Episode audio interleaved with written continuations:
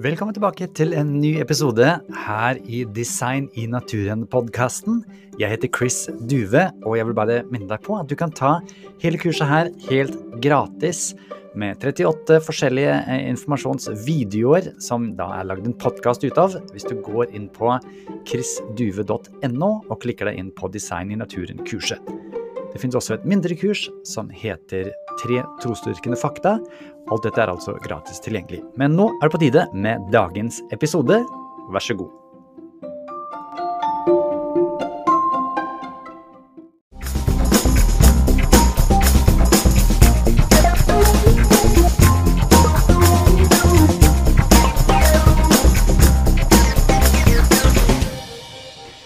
Velkommen til modul nummer seks. Hjertelig takk. Nå har vi kommet et godt stykke ut i kurset, Ja, og nå skal vi i dag faktisk ha en liten sånn ja, slags halvveisoppsummering. Ja. Eh, evolusjonens ikoner. Altså sånne ting som man på når man tenker evolusjon Å ja, det var med evolusjonen. Mm. Har, har du, kan du komme på noe? Det, det jeg ser for meg, er jo denne apen som er på en måte litt sånn liten og krumbøyd, og så er- utvikler den seg til å bli sånn sånt oppreist sånn menneske med en sånn ja, stav. det stemmer.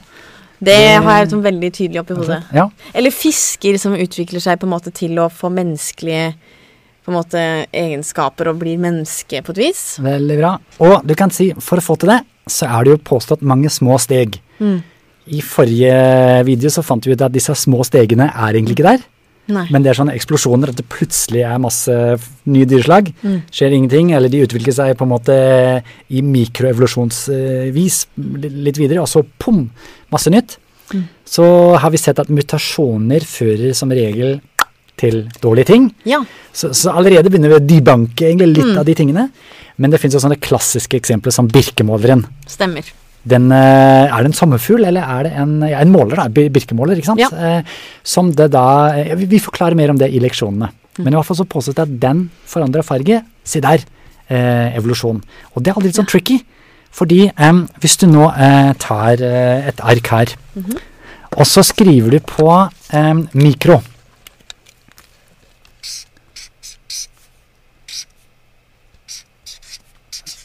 Takk, og så slipper du oppi her. Sånn, og så simsalabim, tar et ark igjen. Viser fram. Makro. Det er det som gjøres nemlig i skolebøkene ofte. At eh, se der, birkemåleren forandrer seg litt. Det er egentlig bare mikroevolusjon, det skal vi snart finne ut. Ha! Makroevolusjon er et faktum. Det er jo ikke sant. Det er jo en logisk, eh, logisk brist oppi der. Mm. Og det er veldig mye Jeg kan kan ikke tørre å si lureri, men det er mange ting vi bør være skeptiske til når det kommer til en del av de eksemplene. Og det er det Mm. annet Jonathan Wells som er veldig flink på. Så bare gled deg til å se hva evolusjonens ikoner går ut på. Spennende. Hei, det er Chris her, og i denne undervisningen skal det handle om evolusjonens ikoner. Altså hovedeksemplene som skolebøkene har, som viser at makroevolusjon er verdt å ha med i lærebøkene. Spesielt skal det handle om naturlig utvalg og mutasjoner. Og Utdanningsdirektoratet oppmuntrer oss jo i sin nye læreplan at eleven skal kunne sammenligne, vurdere og argumentere for om beregninger, resultater og framstillinger er gyldige eller ikke. Og det er det vi skal. Vi skal se på skolebøkenes bevis for evolusjon, og da er det snakk om makroevolusjon, det store bildet. Og her ser vi homologi, altså at menneske, katt, flaggermus, nise og hest har lignende bein i anatomien. Det er snakk om embryologi, hvordan embryoene ligner på hverandre og viser en utvikling. Det er snakk om fossiler. Det er snakk om overflødige organer, som f.eks. halebein hos mennesker. Da må det ha vært en hale der, ikke sant? Stemmer det? Er det et bevis på evolusjon? Eh, Feilkonstruksjoner som virveløye og mange andre ting. Og som sagt, så er jo dette da de beste eksemplene som skolebøkene har å by på. Og vi skal se på birkemåleren, Darwins finker, vi skal se på fruktfluer, altså slike bananfluer, og bakterieresistens mot antibiotika. I denne leksjonen, i neste leksjon, skal vi takle flere. Først altså, viser birkemåleren makroevolusjon, for det er det vi er interessert i. At mikroevolusjon skjer. Det at dyr kan tilpasse seg, eh, at naturlig utvalg velger ut de sunneste dyrene som da får flest unger, det er det ingen som er i tvil om. Det skjer. Men makroevolusjon, Nye proteiner, nye kroppsdeler, nye kroppsformer, nye dyre, ikke bare slag, men familier, grupper og rekker. Det må kunne skje for å få til det som vi ser i dag, dersom evolusjonen har rett og produserer makroevolusjon. Om birkemåleren så er det tydelig at lærebøkene vil vise evolusjon i praksis. Det står at industrien gjorde at trærne fikk mørke stammer i England på 1800-tallet, og da blei de hvite bjørkemålerne selektert bort, altså fuglene spiste opp, for de var lettere å se på en mørk bakgrunn. Og de mørke birkemålerne blei flere og flere. I Telles 8 så ser vi hvordan dette her skal ha fungert. Og det begynner med en overproduksjon, altså at en bjørkemåler kan legge 500 egg, og så er det en kamp om å overleve. Og så kommer det inn en variasjon. Det fins da lyse og mørke typer. Og når fuglene da spiser bort de hvite, fordi de er så lett synlige, så er det et naturlig utvalg, og da blir det flest mørke birkemålere. I teksten så sammenlignes dette med utviklingen som sjiraffen skal ha gjennomgått, som da gikk langsomt for å få en lang hals. Og forandringene i en sommerfugl, eller denne birkemåleren, skjedde da raskt. I England var det da bare så å si lyse bjørkemålere, så var nesten alle bjørkemålerne mørke etter denne forandringen på trærne. Hva var det som hadde skjedd? Jo, bjørkestammene var også blitt mørke, så bjørkemåleren blei han egentlig mørk, eller fantes det mørke fra før? Litt forvirrende. Hva er det dette egentlig viser? La oss høre med en som heter Jonathan Wells. Han har to doktorgrader, en i teologi og en i biologi. Begge omhandlet hvordan evolusjon spiller inn i forskjellige områder. Han er spesialist på eh, embryoer, men kan altså masse om disse ikonene, som han da også har skrevet to bøker om. Hva er the story with the peppered moth? Birkemåleren. But the thing with the moths, one, one important lesson is that, as you say, no white moths turned into dark ones or back again. The proportions simply changed. And actually, when they started cleaning up the pollution, the light moths came back. And so this was a, a temporary change, a cyclical change, rather than a directional evolutionary change. Vi må få noen fakta på plass her. Og det er at birkemålerne hviler vanligvis ikke på trestammer på dagtid. Disse som du ser her, har blitt klistra fast eller uh, spikra fast, men de er oppe i grenene. Alle eksperimentene som vi har sett på hittil, som da viser denne naturlige utvalgdelen, er egentlig noe som er blitt skakt, fordi du må jo undersøke hva som skjer i grenene, og det har altså ikke de gjort. For det andre så er det altså slik at birkemålene fins i svart og hvitt. Det er ingen eh, mikroevolusjon engang. De fins begge deler. Og at naturlig utvalg skjer, det er det ingen som bestrider. Men det at de ikke hviler på trestammene, gjør Var det egentlig trestammen som avgjorde det som ga utslag for naturlig utvalg, eller var det noe helt annet?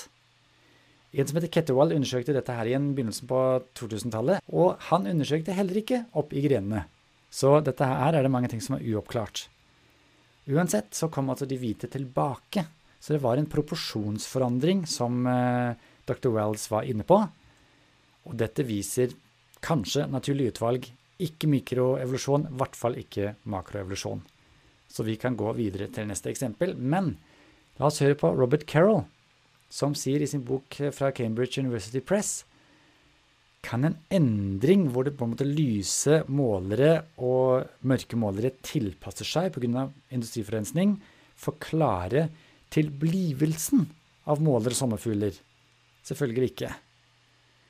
Hvordan kan nye strukturer gradvis bli til, som vingene til flaggermus, fugler og sommerfugler, når funksjonen til en delvinge nesten ikke kan forestilles? Evolusjon er jo en blind prosess, som vi har hørt fra Ola Hørscher. Den kan ikke planlegge noe. Hvert eneste lille steg må gjøre noe som tilføyer organismen noe, sånn at den blir utvalgt med en gang. Og en halv vinge er jo bare i veien. Det kommer vi tilbake til litt senere. Jeg må gi litt kred til BI fra Gyldendal.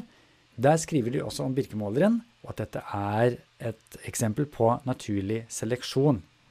Men det skrives i sammenhengen av evolusjonshistorie med de store sakene. Og selv om vi allerede er enige at naturlig utvalg skjer, så kan man ikke ekstrapolere det, som Carol sa, til hvordan disse dyrene oppsto.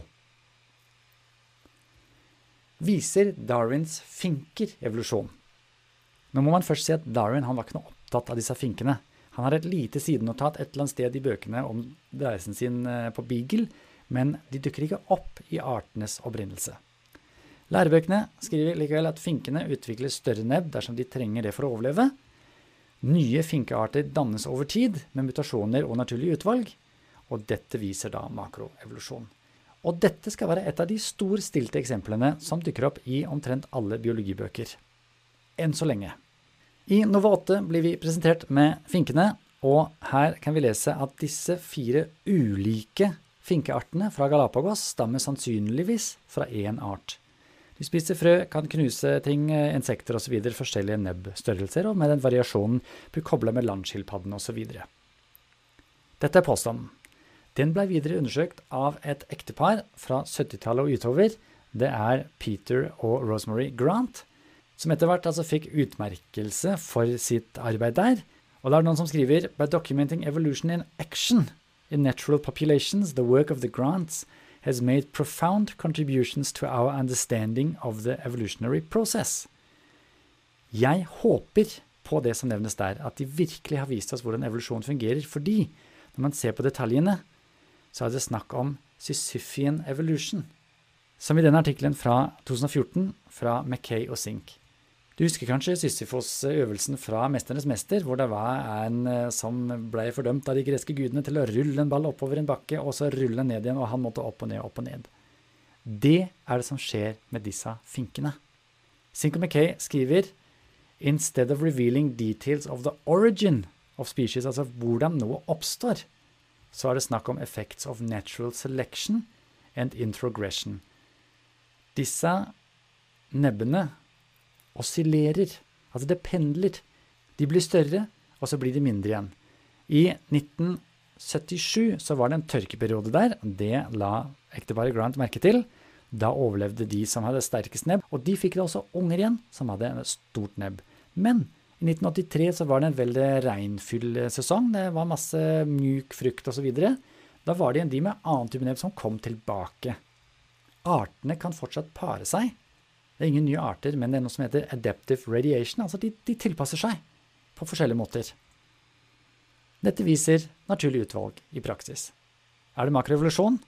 Nei, det er ingen nye proteiner, ingen nye gener, ingen nye kroppsdeler og ingen nye dyreslag. Derfor har noen skolebøker begynt å slette dette eksempelet her. Det kan du lese mer om i teksten til leksjonen. Men viser fruktfluer makroevolusjon? Du er kanskje kjent med bananfluen, som kan muteres. Det skyter stråling på embryoene, og så utvikler de litt forskjellige ting som vi snart skal se. De kan få fire vinger. De har blitt studert, de har blitt mutert eh, opp og ned. Og her ser du et eksempel på hvordan slike haltere også kan utforme seg til å være vinger. Er dette makroevolusjon? La oss høre med dr. Jonathan Wells.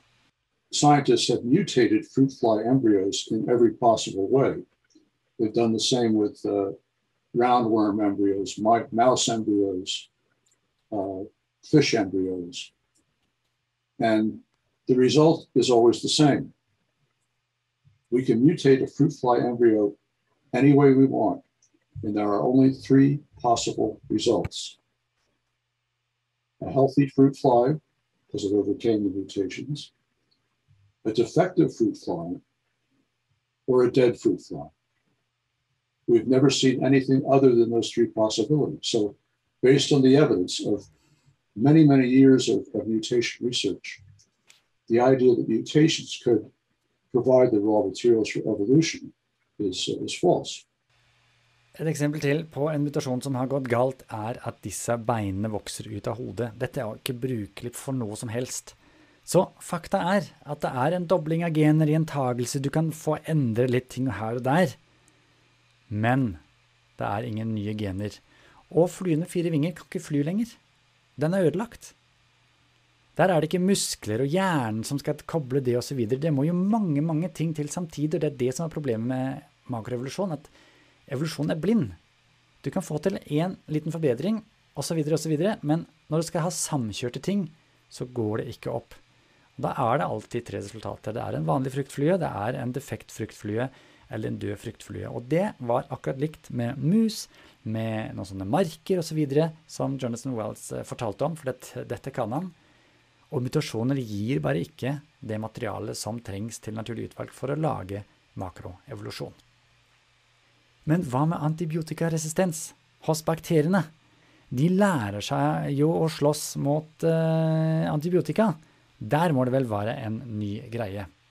I lærebøkene så ser vi at bakterier som i utgangspunktet ikke tåler antibiotika, kan endre måten de takler antibiotika på. Nå var det sånn at det allerede fantes antibiotikaresistente bakterier før antibiotika ble funnet opp.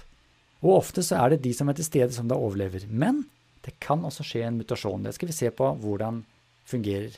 Er det en forbedring? Er det makroevolusjon? La oss se på saken. Her er det noen bakterier som vi skal bli kvitt. Her har vi antibiotika. Og disse antibiotikaene er lagd sånn at de kobler seg på noe som heter ribosomer, en struktur som da sitter i celleveggen hos bakterien. Og da kan de koble seg inn der og komme seg inn og ødelegge bakterien. Da er den død. Men så har vi noen bakterier som er muterte, hvor dette ribosomet er delvis ødelagt. Og når da antibiotikaene kommer, så greier ikke de å koble seg inn på bakteriedelen, og da overlever den bakterien. Men den har mista det ribosomet. Det fungerer ikke lenger. Så den har mista informasjon, og du husker fra dr. Bihi at evolusjon er lik devolusjon. Altså du mister ting langs veien for å ha en overlevelsesstrategi. Og det er akkurat det som har skjedd her. Så fakta er at bakteriene er fortsatt samme art. Det er ingen ny genetisk informasjon. Den kan leses på forskjellige måter, og det husker du altså fra Lenski-eksperimentet. Og så vidt jeg forstår, så er det altså bakterier som da jeg håper å si, blir avhengig av tilstedeværelsen av antibiotikaene. Og når de blir tatt bort, så dør bakteriene likevel. Dette er i beste fall mikroevolusjon, kanskje kun naturlig utvalg. Det som er litt spennende, er at disse som jobba med å finne opp dette her, Alexander Flemming, som fant denne myggsoppen, for han så oi, den dreper jo bakterier, hva er dette her for noe? Han greide ikke å ekstrapolere det og lage Eh, en eh, konsis utgave som kunne brukes i medisin. Det klarte Chain of Flory. Men de snakker om at evolusjon hjalp dem til å få dette her til. Howard Florian sier til og med evolusjon er en hypotese bygd på ingen bevis, som ikke samstemmer med faktene. Han går videre og legger ut om hvordan biologer ser at det er foresight, altså at det er planlagte ting som skjer i biologien. Og det kan ikke evolusjon få til. Og det var det sitatet vi hadde før også. At blinde krefter kan ikke planlegge en fordel lang tid framover. Det må fungere nå, det må fungere best for å bli selektert. Jonathan Wells oppsummerer saken på følgende måte. To sum things up, you're basically saying that um, most of the things we read in the textbooks are kind of constructed to fit a theory rather than looking at reality. When it comes to Darwinian evolution, yes, I'm afraid that's the case. Now, these same textbooks can have very good material on anatomy, physiology, uh, biochemistry, whatever. But when it comes to Darwinism, uh, I'm sorry to say that they're actually pushing uh, a dogma rather than teaching science. This one here actually starts all the way in the beginning. Nothing in biology makes sense except in the light of evolution. Yes, Dob, that's a Dob, quote. Dobzhansky. Yes, 1973. Well, he he he could have been saying that about microevolution. Yeah. I wouldn't say nothing in biology makes sense except in the light of microevolution, but I would say that microevolution happens. But Dobzhansky made it clear. By the way, he's the one who distinguished microevolution from macroevolution uh, 40 years earlier. Uh, he meant by evolution macroevolution. And there, I think he was dead wrong. Hvis det her var stjerneeksemplene, og de alle egentlig bare viser naturlig utvalg, eller så vidt det er mikroevolusjon, så kan man begynne å lure. Men hva med homologi? At disse forskjellige frambeina, framarmende vinger, ligner på hverandre? Hva med malariaresistens i mennesker? Hva med andre eksempler? Det skal vi ha i neste leksjon. Men i denne leksjonen har du lært om birkemåleren, som i utgangspunktet bare viser naturlig utvalg. Det visste vi fra før. Darwins finker viser også i grunn kun naturlig utvalg, og at en art kan tilpasse seg og oscillere, gå att og fram alt ettersom hvordan været er. Og det er jo helt utrolig at dyrearter kan tilpasse seg, slik som en hare som kan få hvit pels når det er vinter. Eh, denne forandringen i finkene med større nebb. Men det er ikke ny genetikk, det er ikke nye proteiner, det er ikke nye kroppsdeler, det er ikke nye dyrerekker, familier osv.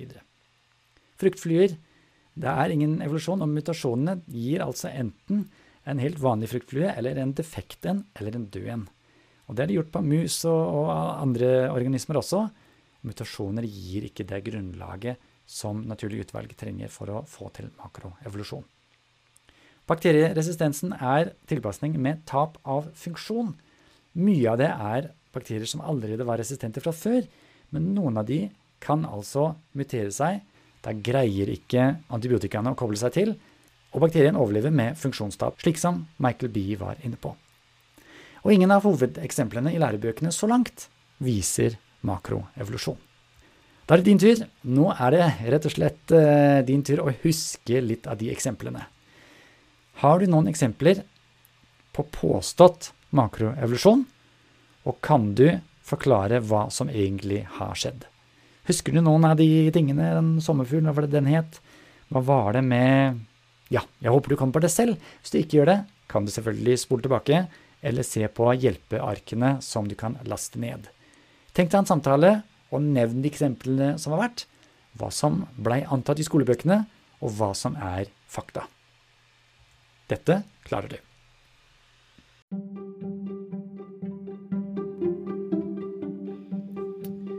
Igjen, dersom du ønsker å få tilgang til de hjelpearkene eller oppgavearkene, så er det jo fullt mulig for deg å signe opp til kurset. Da går det an å laste det ned. Hvis du går inn på chrisduve.no, så ser du all informasjonen der.